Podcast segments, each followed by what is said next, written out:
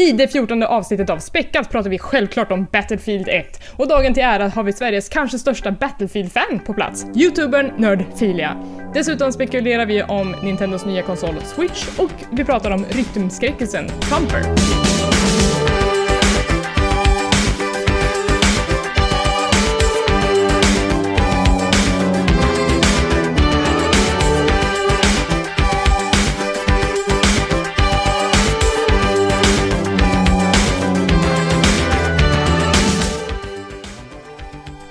Välkomna till Späckat, en podcast om spel och allt runt omkring. Det här är avsnitt nummer 14. Jag heter Elisabeth.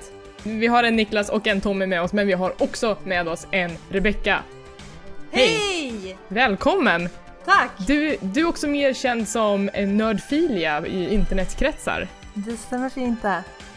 Kan inte du berätta lite om vem du är? Det lät Ja, ju vår förra gäst göra.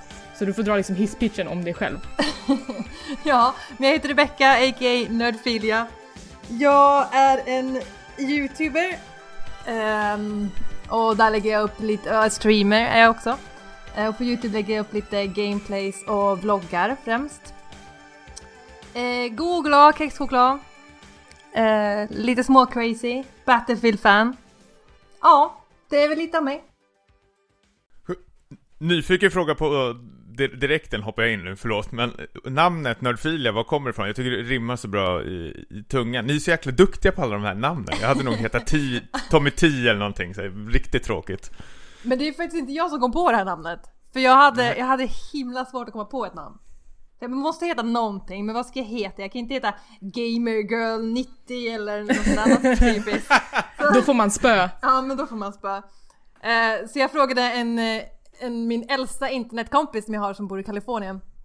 Jag bara, fan ska jag heta? Så började han med filia, bara gamerfilia och allt sånt där. Och sen till slut så kom jag på nerdfilia, jag bara, ja men det är ju jag. Nackdelen med nerdfilia det är att många bara, åh men eh, nekrofilia. det hör man ju dagligen typ. Ouch.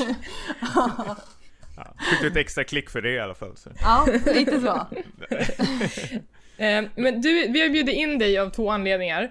Eller flera anledningar. Du verkar vara så himla härlig person först och främst. Men eh, dels för att du älskar Battlefield. Yes. Eh, och det här är ju den stora Battlefield-veckan. Eh, men också för att du liksom har haft en ganska bra månad på sistone. Va- Du, du har, din kanal på YouTube har växt så otroligt mycket. Vad, vad hände? Ja, jag be- bestämde mig för att bygga min egen dator och så vloggade jag hela processen. Det hände. Sen exploderade det. Sen bara kom folk av sig självt. Ja, jag har försökt lista ut vart, vart videon har spridits men den har inte spridits på någon hemsida utan folk har sökt på grafikkortet jag köpte, ett- ett 1080 såklart. Och då har de kommit till min film. Och sen har det bara rullat på efter det. Sen som, har det bara rullat på och så börjar de kolla på mina andra filmer och sen bara, ja, fortsätter det så. Alla bara älskar det efter det. Ja, nej, tråkigt. Men, men det känns så helt sjukt egentligen. Det, är, ju- det handlar om timing tror du och allting sånt där och, och sen såklart din personlighet att du är väldigt duktig framför kameran att de upptäckte det då via ja, det här grafikkortet då. Men det känns som det beror på väldigt mycket vad för något man lägger upp och när man gör det. Eller har jag helt fel Mm. här? Nej, nej, nej, det är ju A och O. För det är ju vad folk söker på liksom. Mm. Eh, och Du, du gick från typ 11 000 till 40 000 ungefär följare. Jag gick från 2800 Oj, till oj, det 40 000. var så pass? Ja, Då, då kom jag in på såhär mitt en och en i allting och bara, Det är ju helt sjukt! Ja, är wow! ju- Jag har inte Va-. Vad är, vad är liksom den största skillnaden från när du bara hade så här 2000-ish följare till nu? Eh, Vad mer, märker du? Alltså det är ju mer hat. Jag får otroligt mycket kärleksmail. Från folk överallt. Så det är både högt och lågt. Ja, det är både högt och lågt. Men, men ha, hat och, för- förlåt det är tråkigt att rikta sig in på det negativa, men vad är det då för någonting som de hakar sig upp på? Jag förstår inte, jag älskar de här videorna du har gjort. Ja. Nej men alltså det är många som tror att jag är fake och att jag har någon pojkvän i bakgrunden som gör allting och jag är bara ansiktet utåt och sådär. Aha. Det är jättekonstigt. det är Det är, så konstigt. Ja. För det, det, man ser ju verkligen att det är du som sitter och skruvar på de här skruvarna. Det är ju inte någon annan som, eh, som gör det. Nej. Utan du bygger ju datorn på riktigt. Jag förstår inte vad det finns att tvivla på riktigt. Nej. Tråkigt! Ja det är tråkigt. bara nyfiken fråga, eller jag har jättemånga nyfikna Ja, frågor. Men backa bandet lite, hur börjar den här, äh, att du skulle börja streama och twitcha och sånt där? Eller göra en YouTube-kanal om vi säger så? Ja, alltså, Vad var det som fick dig att dra igång det? Jag har ju alltid hållit på att filma mig själv. Jag, jag, min första YouTube-kanal startade jag när YouTube kom, alltså 2005. Oj. Ehm, Pionjär? ja, nej så jag har alltid hållit på och filma mig själv. Men sen innan, innan internet, innan jag började hänga på internet så hade jag en ka- kamera hemma som jag höll på att filma mig själv och gjorde typ vloggar innan det ens fanns något namn för vloggar. Så jag har alltid hållit på med det. Så det har liksom känts så naturligt. Och Så att video är liksom din grej. Mm. När kom de här multiplayer-spelen då in i eh, vloggandet? Eller vad man säger. Ja det var nog 2009 då jag, jag kom ut som nörd. Jaha, Typ. okej. Du hade varit nörd innan men du vågade Ja. inte stå för det. Nej men precis. Mm. Ja, jag förstår. Eh, Det, det är nog ganska många som känner så. Eh, Det är väl lite stigmatiserat att vara nörd, men var det liksom, var det för internetcrowdet du kom ut eller var det också för ditt, din privata sfär? Det var nog både och. För jag hade inte vågat erkänna tidigare för folk som jag mötte, nya bekantskaper, sa att jag gillade spel. Men då var det så här att jag flyttade ifrån min lilla hemstad till Jönköping, började umgås med Storstad. bara, ja storstad. började umgås med bara nördar och då var det så här, ja men fan hej jag är också nörd, får jag hänga med er eller? Och så fortsätter det bara så.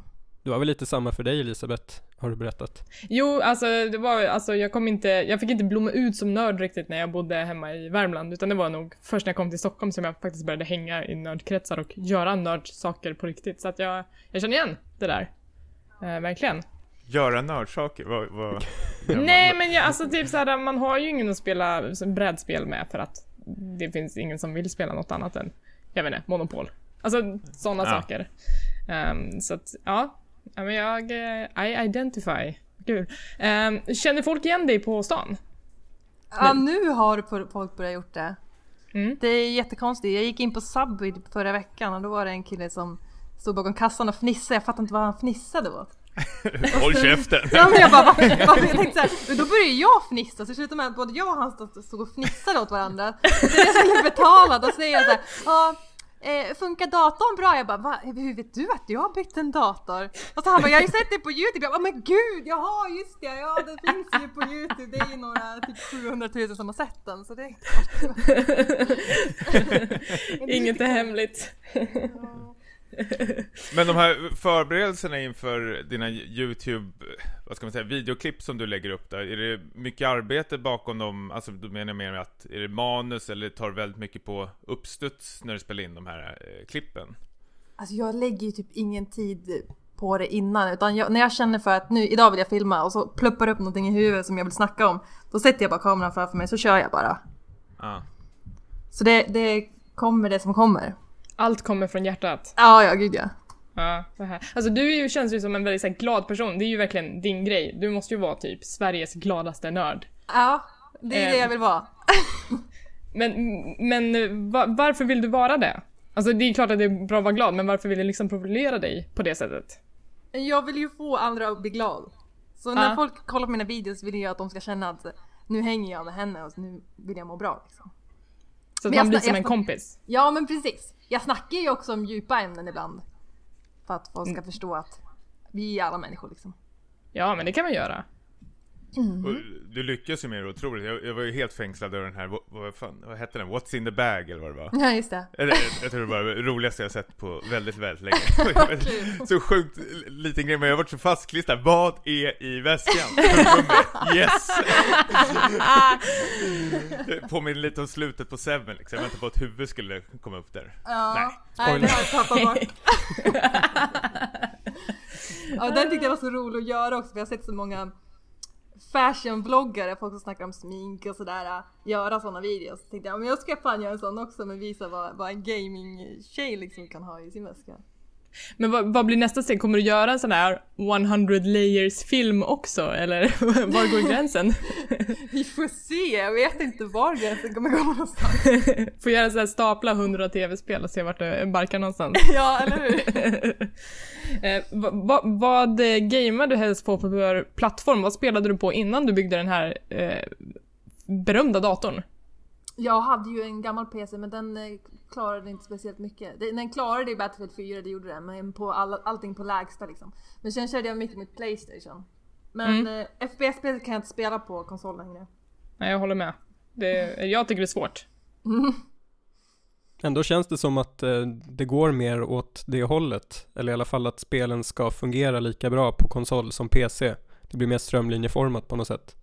Eh, men eh, ja, jag har ju också skaffat en ny PC ganska nyligen. Det var min kompis som byggde den åt mig så jag kunde inte... Dock filmade vi inte det. jag filmade inte det. Jag tror inte att det är jättemånga klick han. Vi hade fyllt honom med en kebabpizza så han var rätt så trött när han låg där på golvet och skrev ihop den. Ja, precis. ja, men den funkar 200 bra. views. Ja, nej, nej men just det här med att spela skjutare på konsol, alltså jag får inte till det och, och om det går så slår jag på allt auto-aim som, som går att få hjälp med. Eh, men, men sen när jag sitter med mus och tangentbord, då kan jag ju sätta headshot efter headshot, inga problem. Men jag tror att, jag vet inte, det måste vara en vanegrej.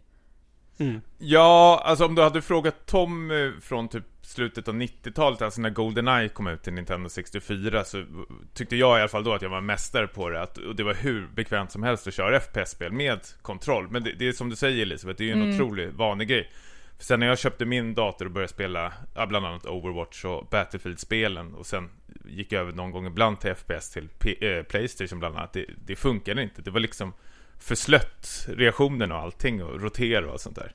Tredje person Ja. tycker jag är bättre på konsol däremot. Mm, det är ju. Sen är det lite farligt att spela FPS-spel på konsol. Varför det?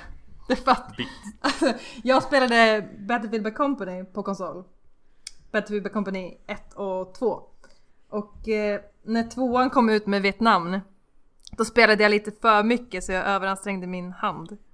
Så jag fick en sån här ganglion, det var så här ledvätska som lä- läckte ut i handen så jag var tvungen att operera bort skit. Ooh, Oj. det låter inte nice. Ja men det är en rolig historia. Men alltså jag har ju ändå hört om att folk får handproblem när man typ e-sportar mycket men, men konsolspelandet har jag nog inte hört om. Ja, Xbox är farligt. Ja, nej, men då vet vi. Allt är farligt. Det kommer till handhälsan. Men har det bara varit Battlefield-spelen och, eh, du sa det förstås att det var Playstation, men vad, vad har du för andra spel som du har liksom växt upp med som du eh, tycker väldigt mycket bra om, hyllar? Det är ligger nä- ju- nära vid hjärtat? Ja, det är ju Half-Life såklart. Det var det första FPS-spelet jag spelade och klarade ut. Så det är ju liksom, ah, Half-Life 3, när kommer du? när tror du att det blir? Ja, fem år. Fem år? Ja. Okej. Jag, Mm. jag säger aldrig. Jo, jo, jo, vi måste tro. Men vi, okej. vi kanske ska ha en sån här betting jar så alla gäster får så här, äh, satsa på när Half-Life 3 kommer så får vi se vem som kommer närmast sen. Vi bjuder på en kopia av spelet då. Ja, det kan vi göra. Ja. Men, ja, men då vet jag det. Fem år säger Nördfilia. Ja. Perfekt. vi får ringa upp Polygonpratet sen och höra vad han tror. Um, hörni, ska vi, ska vi gå vidare och snacka lite om vad som har hänt i veckan eh, spelmässigt, kanske? Ja, jag, tycker jag hörde ett klickljud. Oj, vad var det? Ett klick? Det var det switch-ljudet ju. Kan... Förlåt. Åh, Förlåt. Niklas, du kanske, vill du ta lite på att snacka lite Switch? Ja, men det kan jag väl göra. Eh, det var ju väldigt eh, upphåsat de här tre minuterna som eh, Nintendo då hade lovat att de skulle visa från eh, Switch. Eh, och det gjorde de ju. Inte så mycket spel kanske, men mer eh, vad du kan använda den här konsolen till. Och det är ju då en sorts hybrid mellan stationär och bärbar konsol. Eh, du kan sitta och spela som vanligt i soffan, och sen kommer du på att du måste gå ut med hunden. Eh, då tar du bara med dig konsolen ut i parken. Och lite och um, en massa andra knasiga scenarion som kan uppstå. Uh, och det blev ju väldigt mycket snack kring det här. Jag blev ju uh, berörd, kanske inte är liksom rätt ord, men om jag jämför det med Red Dead Redemption-trailern som kom sen, som var otroligt slätstruken, så tyckte jag ändå att Switch gjorde att man liksom började vilja diskutera med andra. Alltså Switch, Switch-trailern tyckte jag, den, den är så bra som trailer. Den visar verkligen vad konsolen är och vad det är tänkt att man ska göra med den. För jag tänker att sån här hårdvarureklam kan ju annars bli ganska flummig. Eh, Men här visar de ju ändå konkreta användningsområden, även om vissa av dem kanske var lite asociala, att man så går på fest, tar med spelet och tvingar folk att titta på när man spelar. Men- Sympatiskt. verkligen. Ja, verkligen. Jag känner igen mig. Eh, nej men, eh, så att eh, jag tyckte verkligen att det var en bra trailer, man blir ju sugen. Ehm. Ja, sen blev det ju lite trist att de då säger att, för de berättar ju ingenting om något typ, ja, prestanda, några specifikationer eller någonting, vad den kommer kosta och så vidare. Och säger att nu berättar vi inget mer i år, utan det tar vi 2017. Det känns ju lite som en så här, eh, liten buzzkill kan jag tycka. Eller så är det någon medveten taktik, att man vill att folk ska hålla på och spekulera och så, hålla liksom snacket vid liv ända tills det är dags att avslöja resten av detaljerna. Samtidigt har inte Nintendo så mycket nu som kommer ut emellanåt här. De har ju Mario Go och... Eh, Pokémon Sun and Moon. Precis, så det, det känns som de täcker av de här månaderna att, alltså om man ska bara prata om allt som händer runt omkring Nintendo så har de ju massor med andra saker som släpps på vägen dit tills vi får reda på mer om eh, Switch då, så det kommer ju inte vara helt liksom dött tror jag. Och jag tror även när Mario Go släpps så kommer väl kanske Nintendo förhoppningsvis öppna sig lite mer vad de har för tankar i framtiden angående deras eh, appspel. Hoppas Ja, jag deras mobila satsning. Ja. Eh, Rebecca, vad tänkte du när du såg den här trailern? Alltså hade jag haft kids, då hade jag köpt den här direkt. Du tycker att det är en barnkonsol? Ja men jag tycker det är en familjekonsol. Ja, ja men det kan Men det hålla känns med. som Nint- Nint- mycket av Nintendo-spel är lite så här familjeinriktat, typ Mario och allt sånt där. Så det varit perfekt om man hade åkt på husvagnssemester, sitter man inne i husvagnen och lirar tillsammans. Jag, jag, har alltid, jag håller med dig verkligen, och, men jag har alltid också kopplat Nintendo-konsolerna till och även liksom partykonsoler, alltså Ja, ta hem precis. vänner. För jag, jag äger ju ett Playstation 4 och jag, jag vet inte, det är väl en handfull, inte ens det, av spel som jag kan spela med mina kompisar som är, är roliga att sitta tillsammans med vid samma tv-apparat. Medan Nintendo har väl släppt otroligt mycket mer känns som. Och det är ju det de säljer in på också, känns som i den här trailern. Mm. Men eh, någonting som stod ut i den här trailern var ju att ett av spelen som de visade mest av var ju Skyrim. Eh, och sen efter det så visade de också en lista på internet där de eh, listade alla eh, tredjepartsutvecklare som har bestämt sig för att så kallat stötta switchen. Det betyder inte att de just nu håller på att utveckla någonting till den, så att där är det ju lite, eh, lite tveksamheter. Men det är ju mycket stora namn de har fått med och det tycker jag känns superfräscht för att eh, mycket av det som har kommit på deras konsoler har ju varit liksom Nintendo exklusivt, vill du spela stora spelen då måste du ha en konsol till eh, och då blir Nintendo mer som ett komplement än som din huvudstation i, i hemmet. Ehm, så, så det har de ju tagit tag i, men det kanske är för sent. Ja, alltså lite kan jag känna att om man nu vill slå sig in på en marknad som redan befolkas av dels mobiler och dels surfplattor, när vi tänker då på det bärbara, så känns det som att det blir svårt att eh, få med sig de här casual-spelarna som, eh, som har vant sig vid att Pokémon Go är en liksom, gratis app. Och jag vet inte vad Super Mario Run kommer att kosta, men det kan väl inte vara mer än liksom 30 kronor. Och nu kommer en konsol som vi inte vet hur mycket den kostar, men eh, vad ska vi tippa på? Typ 2500 till 3000 kanske. Och så ska du köpa spel till det också. Så det blir ju liksom Det kommer ju bli svårt att eh, det- Som det där scenariot i reklamen när två främlingar Antar jag att det möts på flygplatsen och eh, börjar liksom spela med varandra. Jag kan inte se mig, det framför mig. Eh, Eller vad tror ni? Nej. Alltså just det där äh, när han satt och spelade på flyget. Det har ju min eh, sambo längtat efter väldigt mycket. Han reser ibland i jobbet och då tar han med sig en, en iPad och sen så ska han koppla in en Xbox-kontroll i den och då behöver han en adapter och det blir ganska mycket sladdar och det blir ganska krångligt. Men, men hans behov i just den situationen kommer ju tillfredsställas av den här konsolen, tänker jag. Eh, sen så blir det också lite som att de kommer ju förmodligen skrota 3DS i och med det här. För att de kommer ju vara konkurrenter med varandra i princip. Och jag spelar ju också jättemycket 3D, så att ehm, jag tror verkligen att i alla fall vårt hushåll kommer ha eh, ganska mycket användning av det här handhållna och det mobila. Jag undrar hu- hur liksom smidigt kommer det vara att ta, ta den med sig? Jag tänker på om vi har batteritiden till exempel blir ju ganska Mm. avgörande. Måste man släppa med sig en eh, laddare? Hur mycket väger den? Mm. Eh, Kommer de här små kontrollerna tappas bort? Mm. Kommer första maskinen få förslitningsskador? Det, det liksom, om du ska ta med dem på festen eller vad det nu blir. Eh, mycket frågetecken som måste rätas ut känner jag. Ja, fast kontroller har man väl alltid tagit med sig, det gör ju du fortfarande he- hem till mig. du har väl till och med glömt en kontroll här om jag minns det rätt. Det Mm. stämmer. Men jag tänker de här kontrollerna, du skickade ju någon bild eh, Tommy i vår eh, chatt att, och sa att den här kommer jag krossa med mina korvfingrar eller vad du sa. Det är ju en pytteliten kontroll. Ser inte särskilt ergonomiskt ut, ut. Och sen tänker jag också när man sitter två personer framför den här lilla skärmen, kommer man ens se någonting utan att liksom behöva kröka ryggen helt och liksom böja sig fram? Jag tycker inte det känns eh, som för en spelare visst, men jag är lite skeptisk till vissa av de här uh, partyinslagen i reklamen. Jag tycker att du är en non-believer.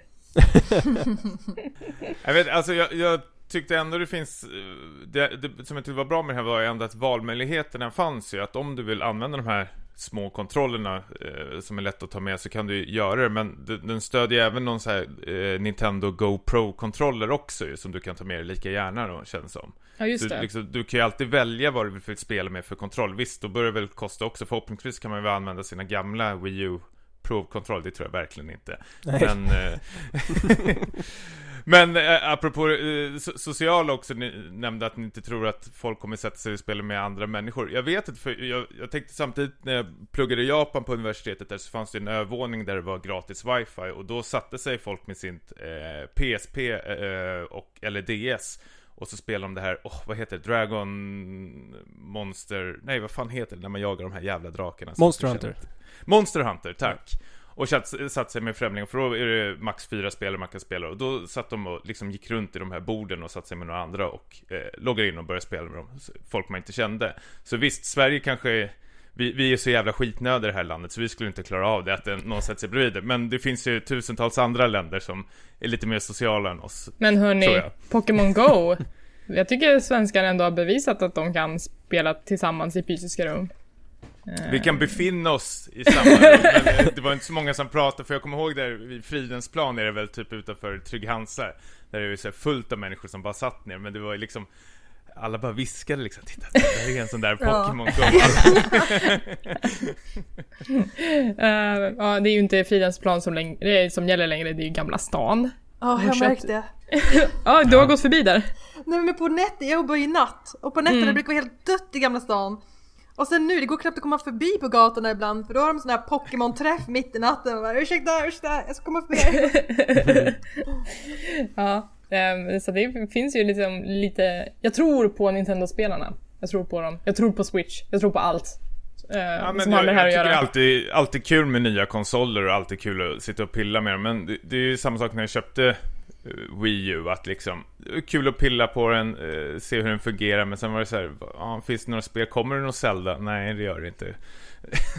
Nej. Så det, det, nu hoppas, alltså det viktigaste är ju inte bara att det är en, eh, liksom, originell konsol, utan det måste komma spel också. Mm. Och det, det är, man fick väl se något snabbt eh, Mario 64-liknande eh, spel. Gamla Zelda, Splatoon är jag inte så jätteintresserad av, men det verkar vara omtyckt. så det är Spela Splatoon, det, kommer. är så roligt. Det är så Ja, det, det är säkert hos vissa. Men eh, jag, jag, jag vill ju ha ett Metroid till exempel. Mm. Då, då skulle jag, eh, ja, Ja men, ja men för jag älskade ju Wii U som koncept, jag älskade det här med att man kunde plocka loss kontrollen och man kunde gå någon annanstans med den och, Men det, den största svagheten var ju att det inte kom några spel. Eh, och då Mm. blir det så här, vad ska du ha en konsol till om det inte kommer komma några spel till den? Ehm, Och batteritiden oroar mig inte så jättemycket heller för eh, det här. Alltså tre timmar är fortfarande rätt så mycket tid, alltså aktivt eh, spelande. Visst, om man ska sitta på en långresa mellan eh, Stockholm, New York, eh, visst då räcker det inte till hela resan. Men, Men då har man ju eluttag. Ja, i vissa plan har man det, men verkligen där, handen på hjärtat, sitter man verkligen i 8-11 timmar då, hela resan och spelar aktivt. Det, det finns inte så många som eh, gör det tror jag. De flesta vill väl sova och ta det lugnt. Inte ens min DS eller PS Vita räcker hela eh, resan. Sådana här storresor jag gör. Så jag vet att, sen finns det säkert, förhoppningsvis, nu spekulerar jag bara, men att det finns något stöd för kanske en portabel laddare, att man kan eh, bara plugga in det. en powerbank. Det nog, ja precis. Mm. Det vore ju guld ju. Kommer säkert släppas, men det kommer att kosta. Ja, så här, Nintendo exklusiv, så här, Nintendo USB eller någonting. Har ni sett att det har kommit olika färger också? Ja, den kommer komma i typ inte... alla färger. Vadå? Men det är väl bara spekulationer? Nej, jag tror det var på riktigt. Nej. Jag tror det var tänker på den där... Ja, det är Nej, säg inte så. Som men- Kotaku bland annat släppte. Okej, apropå fanmade då. Eh, den här kontrollen, när, när de här sitter ihop som en stor kontroll så har ju hela internet påpekat att det ser ut som en hund. Har ni tänkt på det? Eh, den har liksom så här hängande öron. Och, ser, och, så, och så är ögonen lite på sned så att den ser lite dum ut.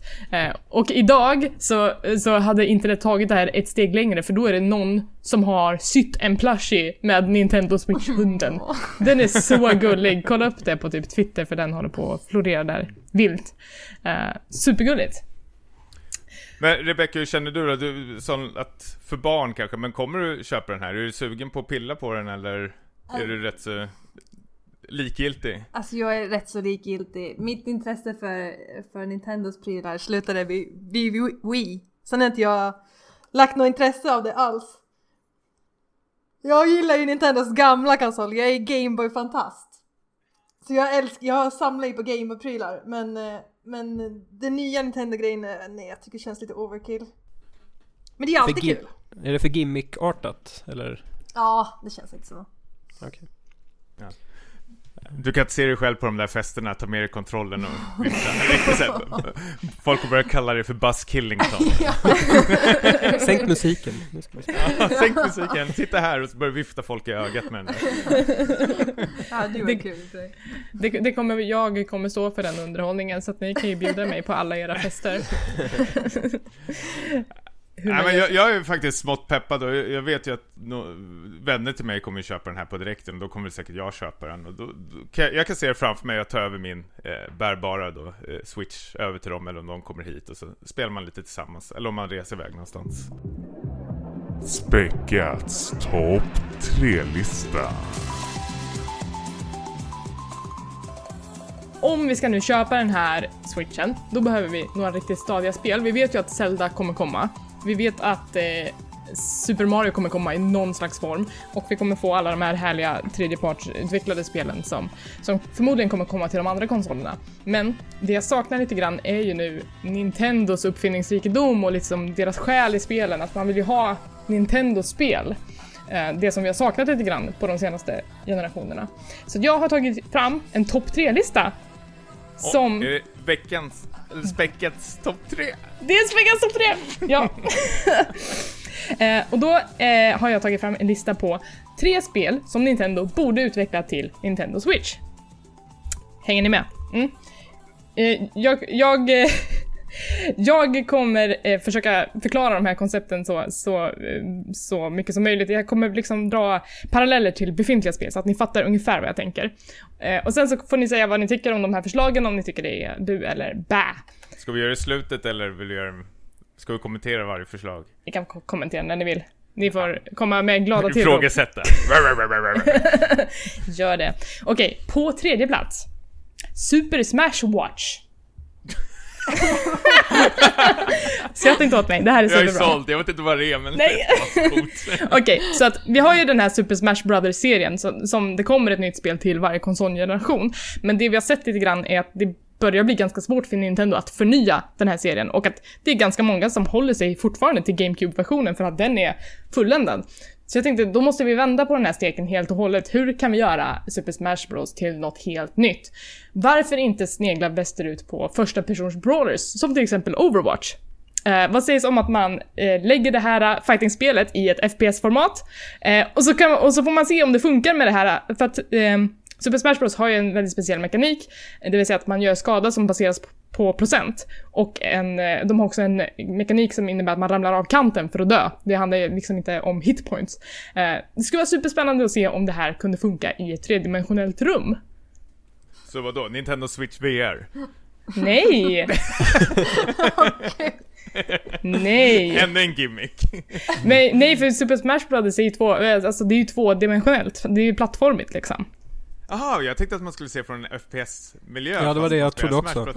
Jo, jo, men du kommer ju få det i en FPS-miljö om det, men det blir ju liksom, rum, rummet som man slåss i blir tredimensionellt istället för en, en platt plattform. Okej, man ser det från tredje person alltså. Ja, nej, ja, ja eller första.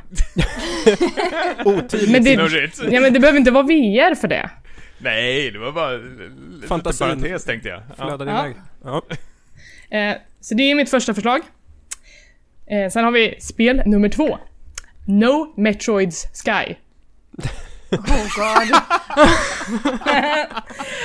Okej, så Hello Games, eh, de satte så här eh, jättebra grundbult till ett spel i det här sönderhypade No Man's Sky som kom i somras. Men nu behöver vi ju någon som bara kan fylla den här världen med innehåll och mening, för det var ju det det saknade. Så vem passar inte bättre som en ensam resenär i rymden än Samus Aran? Eh, och då kan man liksom peta in lite så här meteorider, lite rymdpirater, lite Shuzo-ruiner och sådana saker. Eh, och jag tror att det skulle kunna vara... Alltså jag tror att det lirar bra ihop med dels ensamheten i No Man's Sky och ensamheten i till exempel Metroid Prime. Eh, men du har en supertuff hjälte som du faktiskt kan liksom känna någonting för och relatera lite med. Vad är målet med spelet? Är det att ta sig in i galaxens centrum? Nej, men de får hitta på en story. sig ut. Lämna spelet. Ja. Men, men eh, ska det vara online hade du tänkt det eller? Nej, det tror jag inte. Varför ska det vara online? Vill, vill du ha det online? Nej men jag tänkte eftersom du jämför med No Man's Sky, eller drog in den Men, mashupen. men No Man's Sky var ju inte online. Så, Nej, men att de säljer in det som online. Sen blir det inte det. Nej, precis. ja alltså Nintendo kanske får en superchans att ljuga lite här i marknadsföringen och sen så krossa allas förväntningar. Ja. Det vore ju kul förstås. Ja. Okej. Sista spelet, plats nummer ett. World of Pokémon. Ja, Varför- varför- skrattar ni åt mina titlar? De är så bra. Det är så bra. Ja, de är... Eh, jo men, eh, alltså det är ju då World of Warcraft och Pokémon. Ända sedan Pokémon kom så har vi drömt om att få utforska eh, så här, ett massivt multiplayer-spel i samma värld. Och att man kan möta spelare i realtid och man kan slåss varandra som i typ World of Warcrafts pet battles. Eh, och trots att vi har fått alla de här tekniska framstegen så känns det superavlägset att vi ska få ett sånt spel. Eh, men i och med Pokémon Go så vet vi att intresset finns att spela mer Pokémon. We have the technology. Nu är det dags att utveckla det första riktiga Pokémon MMO't. Måste, måste man ha de här jävla friends codesen då för att bli vänner med varandra fortfarande tror du? Nej, då får man, jag tycker man ska kunna klicka på varandra och sen bli vänner. Ja, inte enligt Nintendo. Nej. Eh, men eh, det är de spelen som jag skulle vilja se till Nintendo Switch. Du skrattar åt mig. Sluta. Nej, jag skrattar med dig! Nej, jag skrattar inte. Jag var superallvarlig. Ja. Men håller ni med, eller vad skulle ni vilja se till, till eh, den här konsolen? No Man's Star Fox. Star Fox, ja det var bra. Så att det blir mer så här rymd eh, battles. Ja, men jag gillar de här små gosedjuren som pratar konstigt. Ja! ja! Det kommer ju Jag onekligen, det kommer onekligen så här tillföra personlighet till ett väldigt personlighetslöst spel. Men eh, när du började prata om World of Warcraft, då, eller mashupen mellan World of Warcraft och Pokémon, tänkte jag såhär, World, World of Nintendo. Skulle inte Ja. det funka? Att man gör ett MMO med alla Nintendo-franchise ihopmashade i varandra? Det skulle ju bli ett sånt clusterfuck. Ja, och så får du alla hjältar spelare och så instanser, till exempel Bowser eller eh, ja, Ripley eller något liknande. Ridley. Ridley! Mm. Hoppla. Eh, eller kanske Ellen Ripley. Mm, ja, precis. Ja, Ännu ja. en mashup. Med Ridley Scott på vägen. Ja just det, alla som heter Ridley får vara med. Eh, ja, vad tycker ni? Nej, men- Flip eller flopp? Säg Nej, flipp. Ja, det Säg är flip. superflipp tycker jag. jag. Det här var kul. Ja, det var riktigt bra idéer. Ja. Ja. Vi brukar ju Niklas köra... är tyst. Jag vågar inte säga något. Nintendo-hataren. Nej, det skulle jag inte säga, men eh, jag tyckte också att det var spännande idéer, men eh, jag, jag kommer inte köpa en Nintendo Switch baserat på de här förslagen, så det blir en flopp. What? Någon måste välja flopp någon gång. Men du hade ju klickat på det här. Du hade ju... Klickat och sen, ja. men du hade inte lagt okej. 600 spänn på det? Eh, nej, inte Nej. riktigt. Men, Men- eh, Men vad hade du velat ha då? ja, men jag satt och funderade bara så det knakade efter bättre förslag. Jag har inga bättre idéer. Ett nytt Mario Kart. Ja. Ett nytt Mario Kart.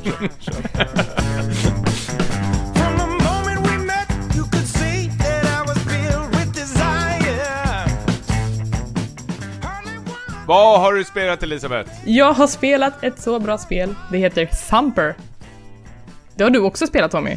Ja, inte lika mycket som dig, men kör på. Ja, okej. Thumper är ett spel som finns till Steam och till Playstation med VR-stöd. Men jag har inte provat det själv. Ehm, som är ett rytmspel. Man spelar som en metallisk skalbagge som åker på en räls och sen på den här rälsen så kommer det komma olika hinder som man måste tackla på olika sätt genom att till exempel trycka på olika knappar eller svänga eller ja, vad man nu gör. Ehm, Det här spelet är väl lite speciellt i genren eftersom det är inga hits man lyssnar på riktigt i musikväg utan det är väldigt, det är ett väldigt, det är väldigt ondskefullt spel. Eller vad säger du Tommy? Dålig eh, tysk trance-musik ligger väl och dunkar i bakgrunden, skulle jag vilja säga kanske. Ja men det, eller det känns som typ såhär någon slags krigsmusik nästan. Alltså, dels är ju den här grafiken visuellt väldigt eh, det är väldigt mycket färger, det är väldigt metalliskt, det är väldigt hårt, men det kan också vara liksom, allting är lite så här insektsliknande. Men, men det blir som en feberdröm nästan, att titta på det här spelet. Eh, och, och musiken är därtill då väldigt så här metallisk, det är väldigt eh, rytmiskt, det är väldigt dunkande, men det är inga liksom, det är inga låtar på samma sätt som det kan vara i andra spel. Um, så det här så har jag spelat jättemycket. Jag är inte klar med alla banor än och jag har ju långt ifrån högsta betyg i dem för man får ju så här ranks efter att man har spelat klart på hur bra man presterade i spelet men, eh, eh, men jag är på väg dit. Är det, ett, är det ett svårt spel och går det att ställa in så här svårighetsgrad om man liksom inte lyckas ta sig vidare? Nej, nej, nej! Det är ett svårt spel, det går inte att ställa in. Svårt. Ja men det är bra. Det är kul. Det påminner väldigt mycket om det här Harmonix-spelet, deras, eh, en av deras första spel. Vad heter det? Amplified, har jag för mig det heter. Amplitude kanske? Eller? Amplitude, så... Fan, två fel idag. Free strikes and you're out. Nu har jag fram till. Men eh, att du, du åker ju som på räls och så ska du liksom...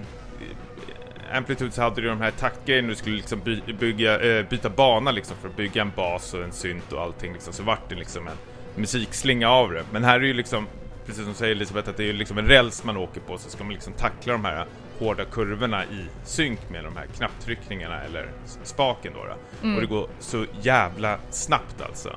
Och jag känner lite synd att man inte har provat eh, det i VR. Jag är jättesugen på det här, eh, spelas i VR och hur det känns eftersom det Ja. är nästan, jag tänker nästan på den där scenen från eh, 2001 när han åker in i den här dimensionen och bara flyger massor med saker eh, förbi honom.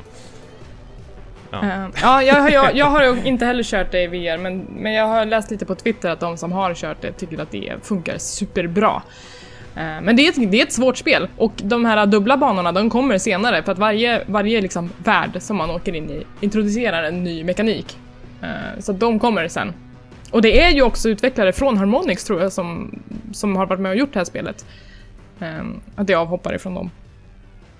Precis, alltså jag känner lite med det här spelet att det, det är lite som eh, golf eh, för mig, det var en rätt så dålig metafor här, men, men att man, det, det finns ett handikapp i mig som jag max kan nå, jag, jag kan inte bräcka det alltså, och det, det är ju så pass svårt att jag vet ju själv att jag, och jag känner vänner som spelar, att liksom man kommer till sist till den nivån där det känns att det, det, nu är det, är det bara omöjligt, nu är det bara liksom sjuka människor som kan klara det här.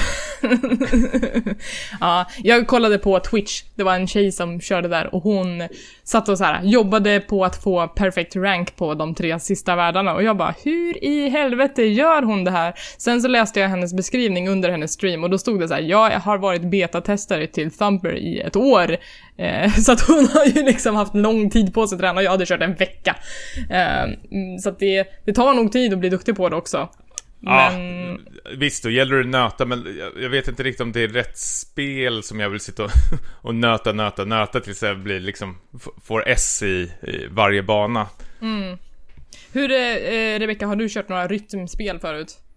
Nej. Alltså jag har ju inget tålamod när det kommer sånt där. Jag har ju Nej. sönder grejer om jag ska spela sånt där.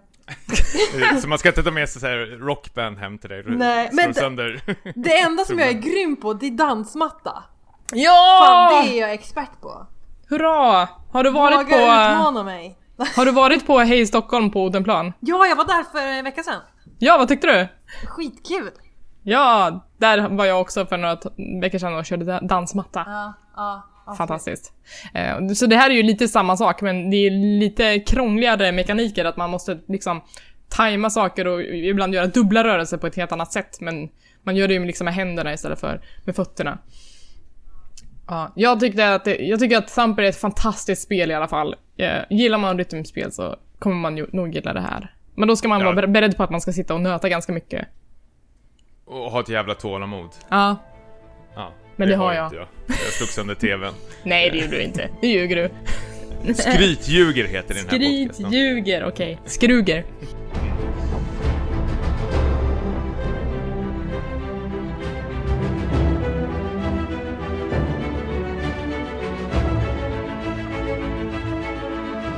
Ja, då var det dags då. Vi har ju sparat det bästa och största till sist. Eh, Det är ju inte mer eller mindre Battlefield 1, DICE eh, nya uppföljare då till eh, Battlefield 4 som vi alla fyra har spelat.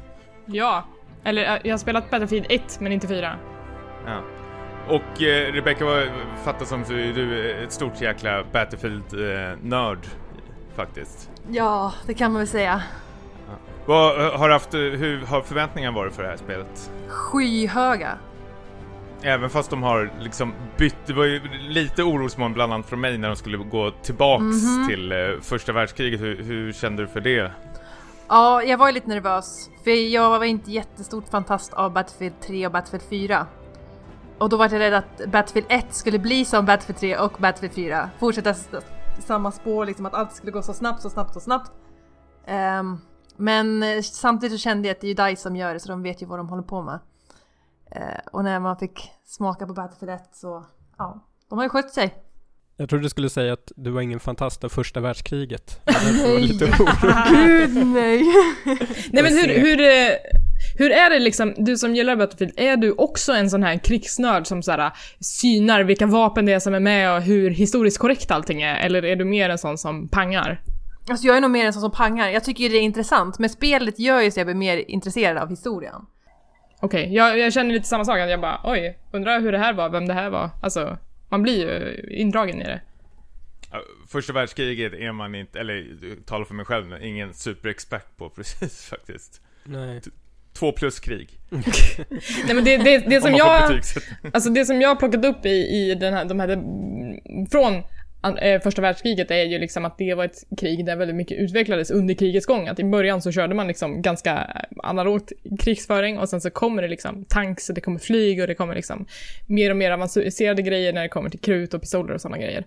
Um, så att mm, här fanns det verkligen mycket potential att utforska. Uh, men jag tänker också att man måste ta sig lite friheter uh, som spelutvecklare och säga att okej, vad har vi för regler? Vad ska finnas i det här spelet? Så att man inte liksom, nej det där fanns inte 1918. Uh, alltså, eh, men jag tycker att de har lyckats bra. Det känns väldigt eh, äkta, kanske. Ja, verkligen. Jag har ju en kompis, en fransos till och med, som har tagit avstånd från det här spelet. Mhm. Eh, faktiskt. Eh, bara för att eh, man får inte spela Frankrike. Det får man göra i DLC-paketet. Han vart ju skitförbannad. Det är mycket hat om det där alltså på internet. Gud. Ja, det har varit det på internet. Har det varit en grej Ja, ja, gud ja. Helt sjukt. Jaha, Det är, många som tar illa, alltså, det är många som tar illa upp bara att de gör ett spel om första världskriget bara för de har någon farfars farfars far som har varit med i kriget. Och det är inte okej att göra ett spel av historia, tycker många. Oj, då, då behöver Paradox gå i bot och Mm, bättring känns det som. men, men jag tycker ändå att de hanterar det på ett väldigt bra sätt. D- vad ska vi säga om Battlefield 1? Det finns ju dels det här då kampanjläget och det finns multiplayerläget. Så det är två ganska olika delar av spelet. Um, ska vi prata om, en, om dem en i taget? Jag har ju inte rört kampanjen så... Inte jag heller. Nej, men vi, vi, vi kanske kan börja där då, så kan vi gå Ja. vidare till multiplayer sen. Um, Eh, Rebecka, du, vill du förklara lite hur kampanjen ser ut? Ja, kampanjen är uppdelad i eh, är det fem, fem, sex delar. Uh, och de är ungefär mellan 40 minuter och en timmes långa. Man får, um, varje, varje del är en del av kriget, så det är inte samma, samma krigsdel, utan en del är en, en tysk soldat och en annan del är en italiensk soldat och du får följa med deras personliga historier. Och det är väldigt djupa historier, så man går ju verkligen in i karaktären, ja, i alla fall jag. Um, så jag har ju bölat och diverse. Uh, men man får, ju, man får ju verkligen känna, för de ger oss verkligen den här känslan hur det var under just den här delen. Så i första delen, då, då är det inte meningen att du ska överleva till exempel. Just det, för det är det här stora introt, så, så första gången man sätter igång spelet så kastas man in i en krigssituation. Den har väl ni också kört, Tommy och Niklas? Nej? Ja, ja, alltså det, det, det var, så här var det, vi, vi startade spelet samtidigt, jag, Niklas och tre andra. Och alla sa 'Escape! Nu! Nu hoppar vi in' Va?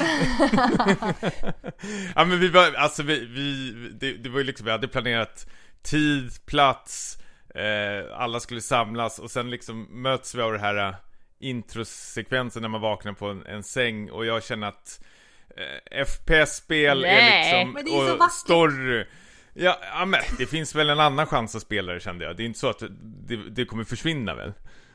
Nej, så jag, jag kände, ja, nu kör vi igång. Nu har jag ändå dem på eh, Discord och vi, alla sitter och gapar och kan jag ändå inte njuta av det. Så det är lika bra att ge det en ärlig chans Okej, Eh, okej, det som händer i det här som ni skippade eh, är då att man följer ett, eh, ett regemente som kallar sig för The Harlem Hellfighters. Eh, och man egentligen kastas in i ett brinnande krig och man, man spelar som en soldat och det står du förväntas inte att överleva det här uppdraget. Och sen så eh, introduceras man till liksom de olika kontrollerna och sen så dör man förr eller senare och då kastas man liksom in i en annan karaktär som har något helt annat vapen och eh, det kommer också så här dödsrunor efter varje person så att det står liksom namn och hur länge den har levt. Det Eh, är och lite som det gamla Canon Fodder till Amiga. Ja, just det. Det var en massa gravstenar.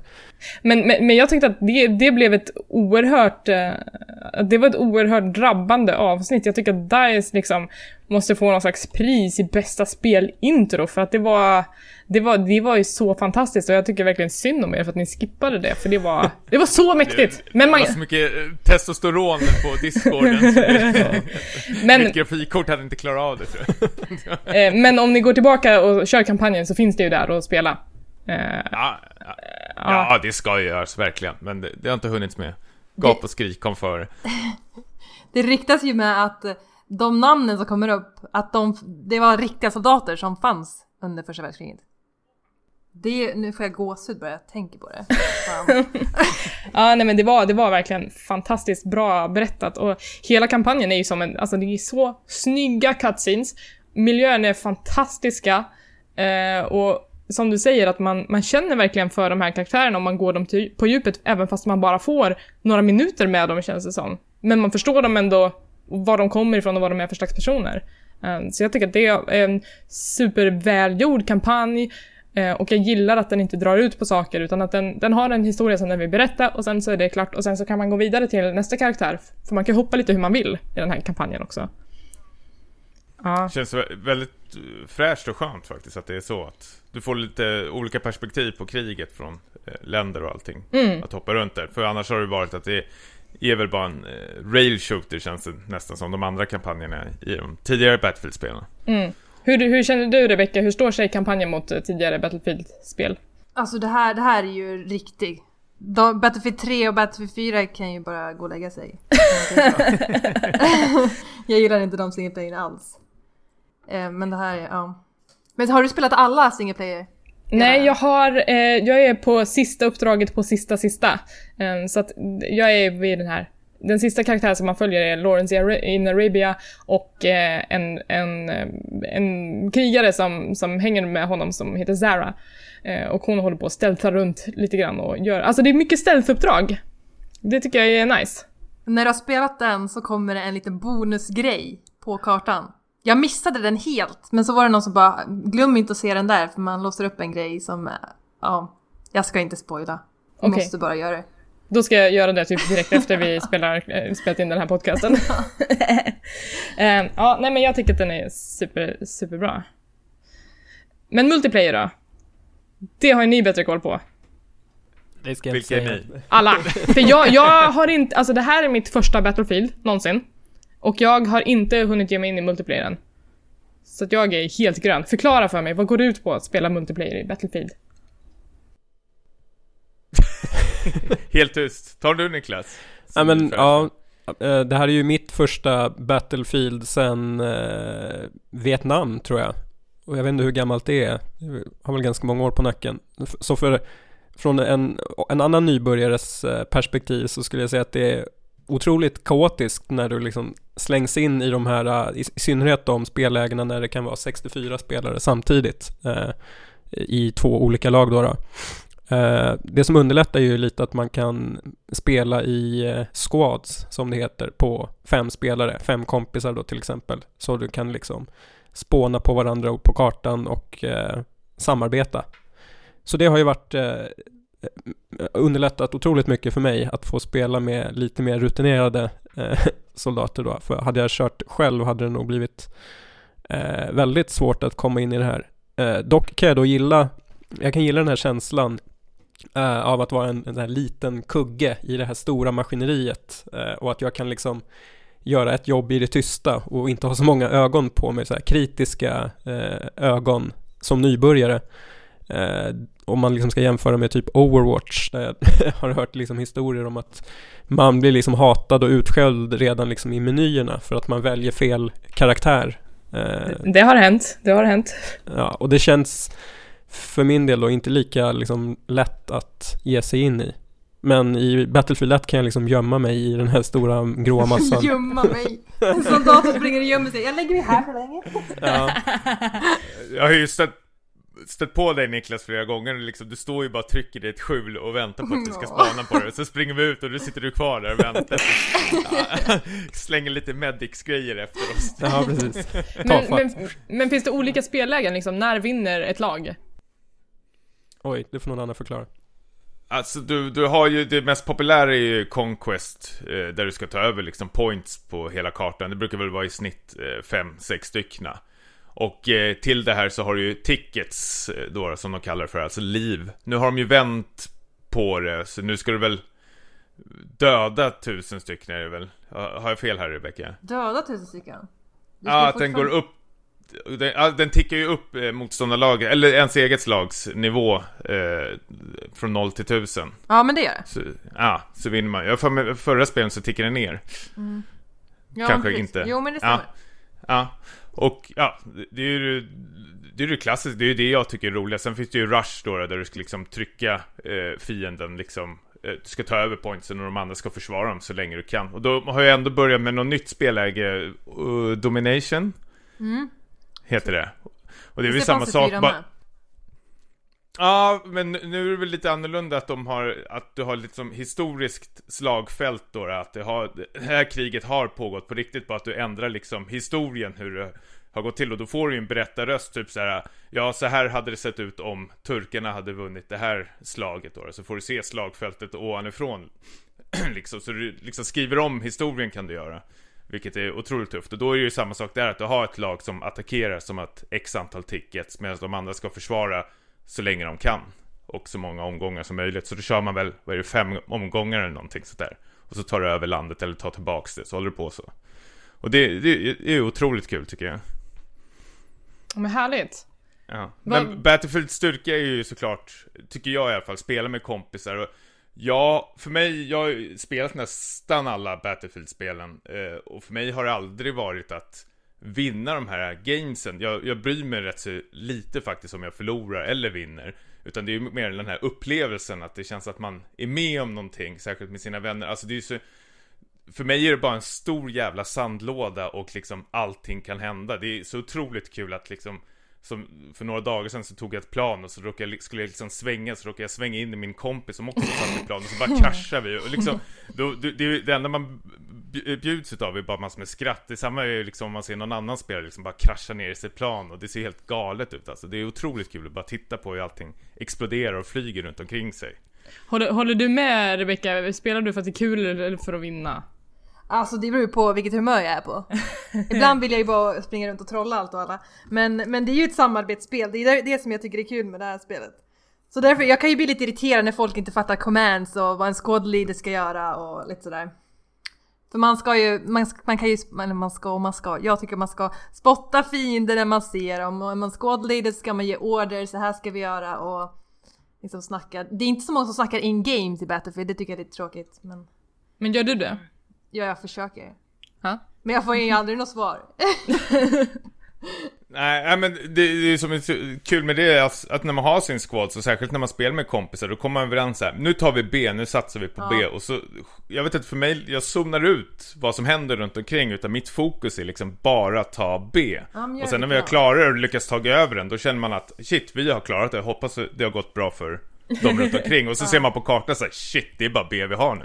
Nu måste vi ta något annat. Och så får, man gör sina egna uppdrag i den här jävla sandlådan. Och det tycker jag är otroligt kul faktiskt. Vad, vad, vad tycker ni om eh, de olika kartorna eh, än så länge? Och hur står de sig mot de tidigare spelen? Så jag gillar ju kartorna men det är inte, jag vill ha större kartor. Okej. Det finns, det finns en karta jag gillar eh, extra mycket, den heter typ, det är en, det är en skogsbana. Arrogant Forest eller något där. Det var den som Tommy trodde att det var Endor från Star Ja Wars men det är ju Battlefront. därför jag gillar den. Fast jag älskar ju Endor.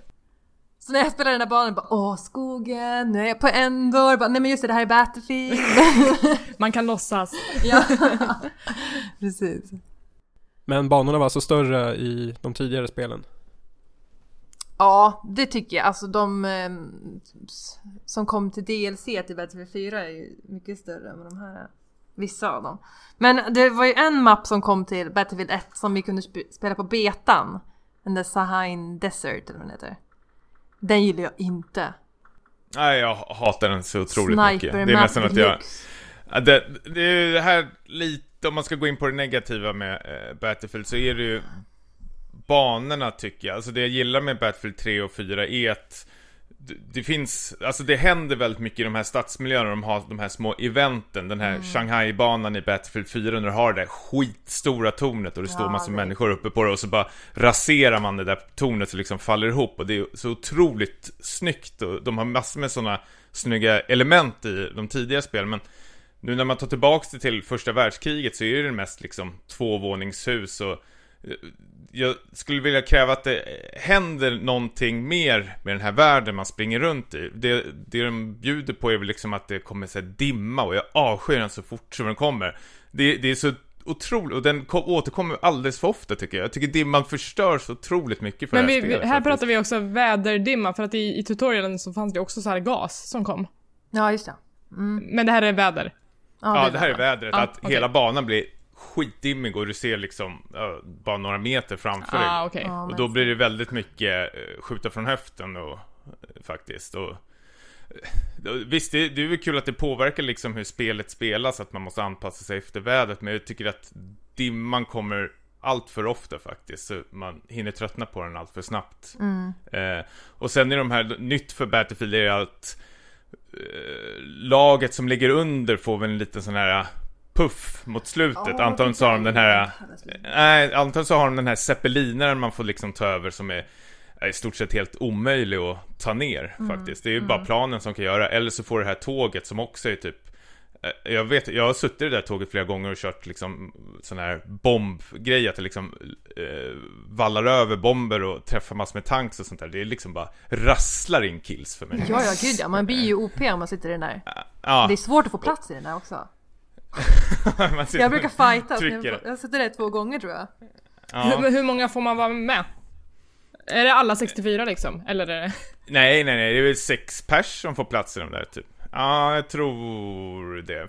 Fyra till sex personer som får plats i den där. Och då kan vi lika gärna vända på det att visst, då får inte de här sex, fyra vara ute på banan och ta över pointsen, men samtidigt, de här kommer ju så tätt in på banan, de här skepp, äh, zeppelinaren och tåget, så det kan liksom, liksom åka fram och tillbaka och bara skjuta ihjäl hela motståndarlaget. Jag känner att Wow. det det är som säger, chans. den är alldeles för OP faktiskt. Så Mm. det måste de eh, fixa, tycker jag. Ja. Vad tycker ni är den största skillnaden mellan Battlefield 1 då och de tidigare Battlefield-spelen? Jag tycker ju det här känns som ett Battlefield. Mer än alla andra Battlefield innan Alltså, det. mer, mer än 3 och 4. Det känns okej. som Battlefield 2 mer än Battlefield 3 och 4 tycker jag. Men vad är det som, som gör den känslan? Mer fokus på samarbete. Tror det är där mest. Mm. Jag skulle säga att det här är mer lättillgängligt faktiskt. Alltså om man kom, pratar om fordomen och sånt där. Uh, Battlefield 3 och 4 som hade flygplanen tyckte jag var så här helt okontrollerbara. Det, det gick alldeles för snabbt för att flyga runt de där flygplanen. För mig i alla fall. Det var ju folk som hade otroliga skills som kunde eh, kontrollera dem. Men nu har de här, jag vet inte, så här pappersflygplan känns som, de går otroligt jag kan, jävla Jag sakta. kan inte flyga ändå. ja, men, eh, jag säger inte att jag är expert på det, men det känns som jag har mer kontroll på de här planen än jag hade de tidigare spelen. Ja. Och nu är det inte så mycket pill heller med eh, sina vapen, utan här har du ett vapen och så får du typ alla sikten. Eh, ja, vad, vad är det för något man får mer? Det är väl typ sikte och... ja, du får ju skins nu också, jag fattar inte det. Ja, här är ju också någon slags problem. Jag vet inte om de försöker apa efter Ja, jag- Overwatch-grejer med Ja. ja. lootboxes. Jag men tror- det, det, det slår så fel för att vad är det här? Du får skins Ja, du får battle pack så här random efter ett spel. Har du tur så får du ett battle pack. Förut fick du Ja, battle pack när du levlade upp liksom. helt och då får, du, ologiskt. då får du ett skin och då kan du få ett så här Uber deluxe super magnifik skin men du har ingen användning för det direkt. Nej. Jag, jag vet inte hur, jag tycker det är väldigt konstigt att det ska liksom så lottas ut de här battle packsen i slutet. Jag, jag har en kompis som är så sjukt frustrerad över det där som jag spelar med. Han har liksom spelat minst lika länge som jag har och han har inte fått ett enda. Medan vi får liksom tre, fyra stycken. Så det är ju rena rama lotten. Ja, där, ja men det är ju. Jag tror jag har fått Ja. två under 30 timmar liksom. Så. Ja, det, du har ju själv. Det är jä- jävligt konstigt, eh, tycker jag. Men jag, jag saknar det där. Det påminner lite om Battlefront, det här med vapnen faktiskt, Mm. tycker jag. Att du, här har du ett vapen, du kan inte göra så mycket mer med det, utan här har du bara ett vapen. Du kan inte sätta på ett ny grip eller ett nytt sikte. Du har de här tre olika siktena och de påminner om alla andra vapen har ju typ nästan samma sikte, tycker jag. Så jag hade velat kunna experimentera lite mer med vapnen för att liksom få till dem som jag vill ha dem nästan. Ja, men där håller jag med. Det I, finns- i, s- I single player så blir jag så förvirrad över så här, vapnens namn. Ja. Alltså jag bara, vad är det här? Och så förstår man inte det förrän man liksom väl skjuter någonting. Och sen så är det så svårt att hitta tillbaka till ett vapen man gillar för man bara, jag har ingen aning om vad det hette. Något med siffror. Ja, jag Alltså. byter hela tiden. Jag lär mig aldrig sådana här vapen. Jag fattar inte. Nej, det är bara så här Scar man kommer ihåg. Ja, precis. för det låter coolt. Ja, Scar är mitt favoritvapen i Battlefield 4. Det Ja, kanske det är just- samma sak här. Bara för kanske- jag kan komma ihåg. Ja. det kanske är därför. Men visst kan man spela som liksom olika roller i, i det här laget? Ja. Vad vad- vad väljer ni då? Jag satsar ju på Medic eftersom jag har hört att det är bra nybörjarklass. Sen har jag prövat Assault också. Eh, som också var rätt kul. Däremot har jag hört att eh, support inte var så roligt, sa Tommy i alla fall. Support är ju otroligt svårt, men när man fattar hur supporten... Alltså den är ju exakt vad den låter som. Det, det går inte, tycker jag i alla fall, knappt att träffa fienden verkligen på mid-range eller eh, long range. Utan du ska, du ska ju bara peppra som en jävla galning och så får du sådana här support points när, om det är någon som ska springa fram eller någonting.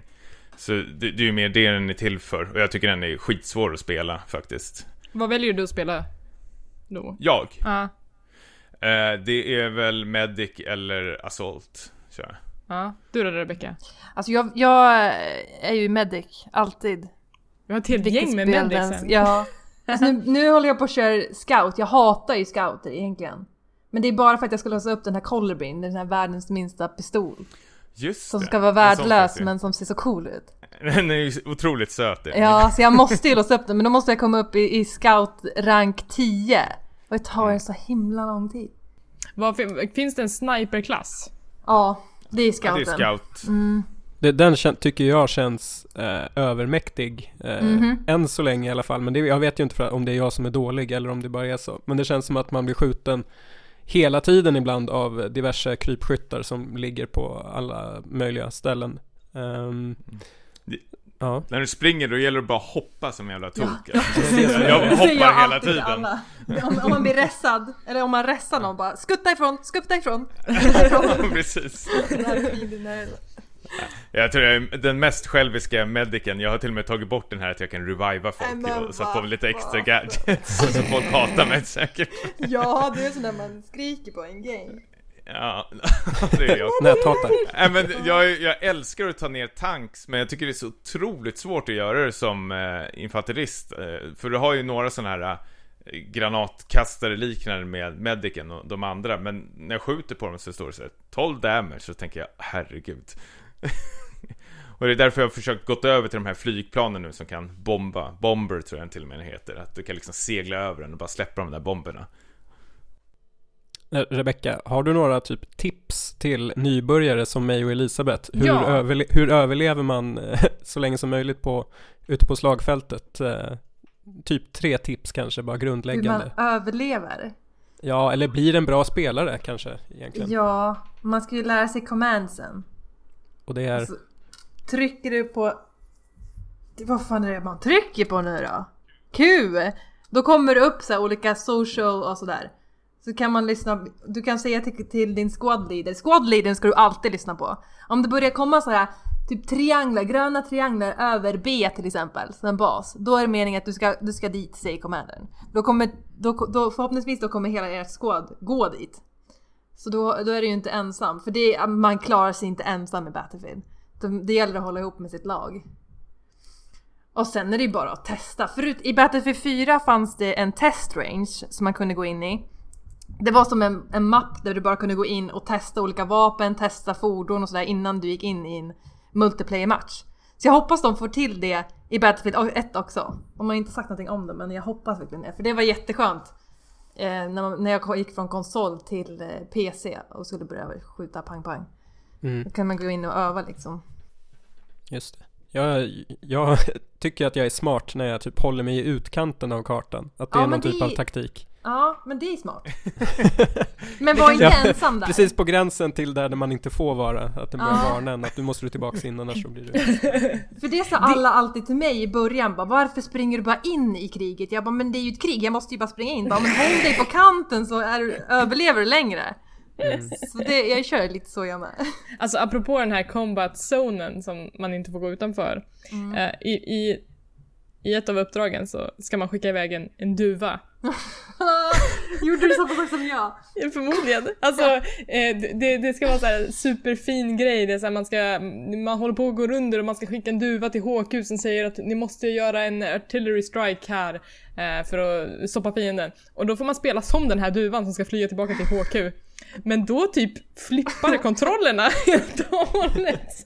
Så att istället för WAST så ska man köra med piltangenterna tydligen. Det fattade inte jag. Så att man bara så här flyger heller. för, rakt upp och sen kör man rakt ner och sen så åker man utanför combat zone och den här, den här känsliga musiken som ska vara till den, den bara försvinner till slut för att man bara hållit på för länge och bara så här Ja. flugit in i väggen. Så det blir väldigt anti, antiklimaktiskt på något sätt. Ja men det är ju så. Musiken går såhär nä, nä, nä, nä, nä. och så flyger man runt med den där duvan och sen åker man utanför så står det såhär vänd tillbaks, vänd tillbaks, så hinner man inte vända tillbaks sen helt plötsligt duvan bara "Äh!" och så dör man. Så är det game over. Bara, Oops! Ah, ja. Vi får se om Jag, jag... jag måste... Ja, Ja, ta det du först. Nej, kör. Jag, jag vill inte säga något viktigt. Nej. Jag måste fråga dig Rebecca också, Hör, jag, kanske jag som är helt dum i huvudet i själva menyn, men Mm. Vet du hur man ändrar sin gears i huvudmenyn? Sin gears, ja men du, nej, nej fan det har jag inte kollat faktiskt. Det går inte!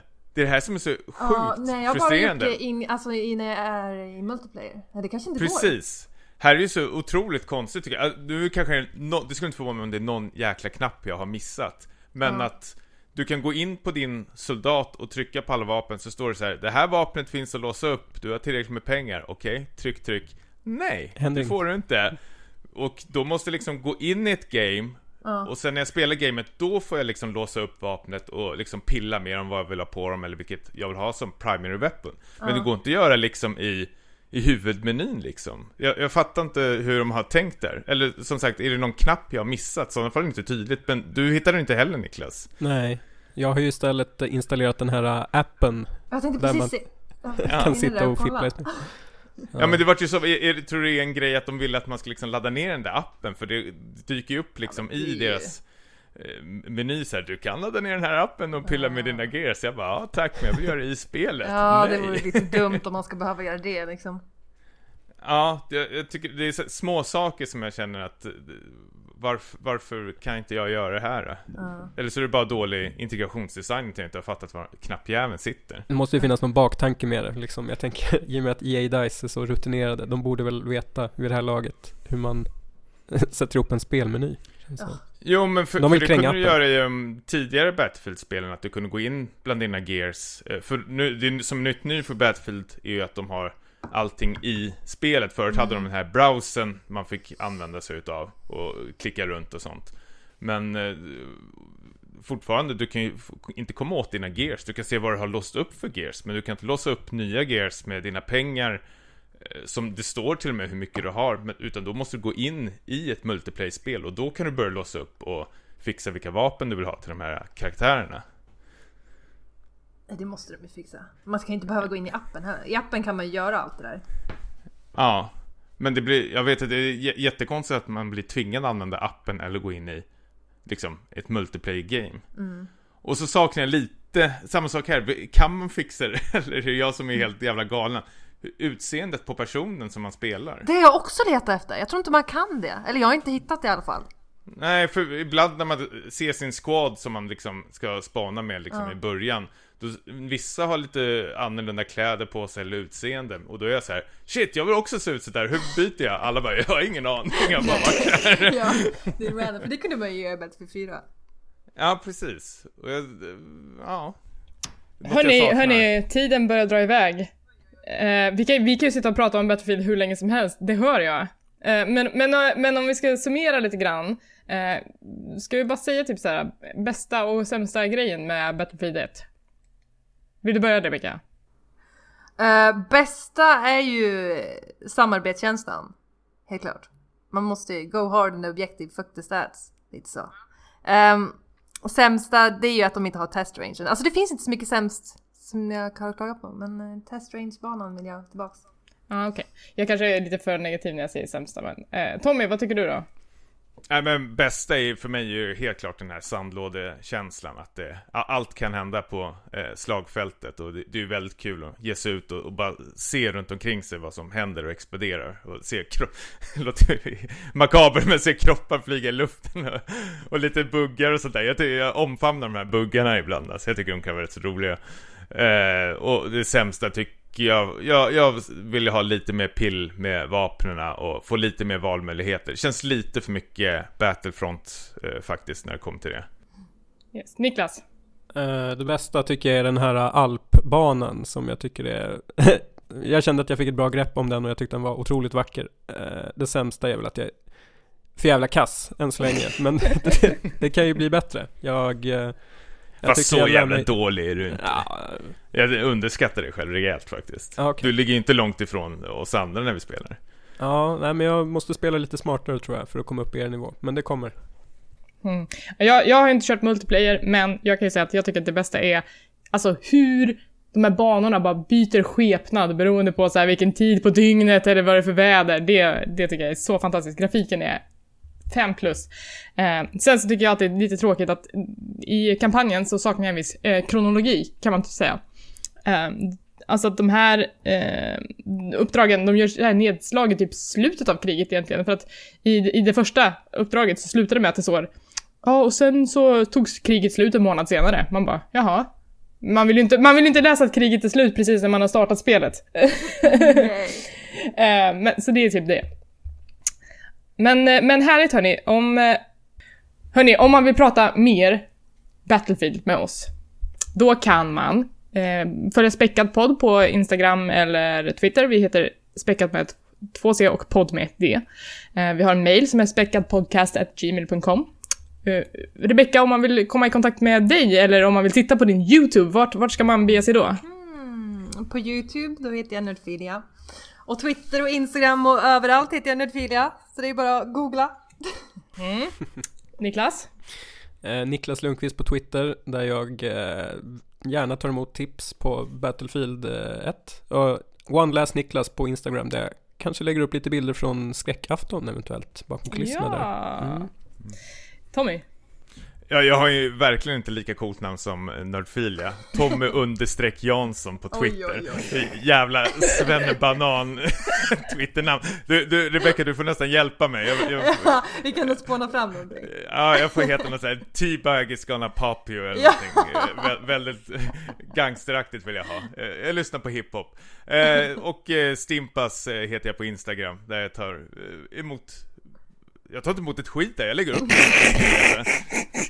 Eh, jag heter Hangry Eli på Twitter där jag postar nonsens och sen heter jag Hangry Spice på Instagram där jag precis postade vad jag fick i mitt paket ifrån Blizzard. Kolla in det. Eh, vad händer i framtiden då? Vi, vi ska ju först och främst vara med i skräckafton. Eh, samma dag som det här avsnittet släpps, fredag den 28 så kommer ju Polygonprettot som var med i Späckat förra avsnittet eh, hålla i den här skräckafton. Jag kommer vara där, Rebecca du kommer vara där, Yes. Tommy och Niklas kommer vara där. Eh, Ja, ja, mm. Jag, jag kommer vara där men mina ögon kommer inte vara där. Jag, jag krossade mina glasögon så jag ser ju ingenting. Oj. Jag har fått låna såna här arbetsglasögon. Det är såna där, tänk, tänk er Bono fast fulare glasögon. För att inte skrämma bort tittarna så kanske jag kommer dit blind istället. Ja okej, så att Tommy är där men han är blind. Eh, och vi kommer spela skräckspel och samla in pengar till Friends. Så kolla gärna in det, det kommer bli supermysigt. Vi kommer bli jätterädda, hoppas jag. vad, eh, vad händer i nästa avsnitt då? Vi ska åka till Comic Con. Precis, ut i Kista. Ja, ska du dit Rebecca? Kanske, det beror på om jag får ledigt från jobbet. Ja, okej, så nästa helg så är det alltså Comic Con i Kista och dit vet jag, vi kommer rapportera lite därifrån. Eh, sen är det ju också Blizzcon i Kalifornien. Blizzard har ju då sin egen mässa, de struntar i E3 och sådana saker utan de har en egen mässa där de visar lite vad som kommer komma. Så det kommer jag Håller berätta lite tummen att ifrån. Red Shirt Guy kommer. Ja, det, det, jag förväntar mig inget annat. Eh, och sen kommer vi prata lite om Rise of the Tomb Raider. Åh, äntligen! Ja, vilket avsnitt. Se fram emot det. Hörru, eh, Rebecca, tack så mycket för att du kom. Tack för att jag fick komma! Ja, superhärligt att ha dig här. Kom Ja, tillbaka. skitkul! Absolut! Ja, eh, ni som lyssnar, eh, recensera gärna, lägg en stjärna på iTunes, det hjälper oss jättemycket, eller säg till någon som gillar spel att man kan lyssna på oss för det, det är en bra podcast. Har ni några sista ord till lyssnarna? Stay awesome! T-Bag's gonna pop you!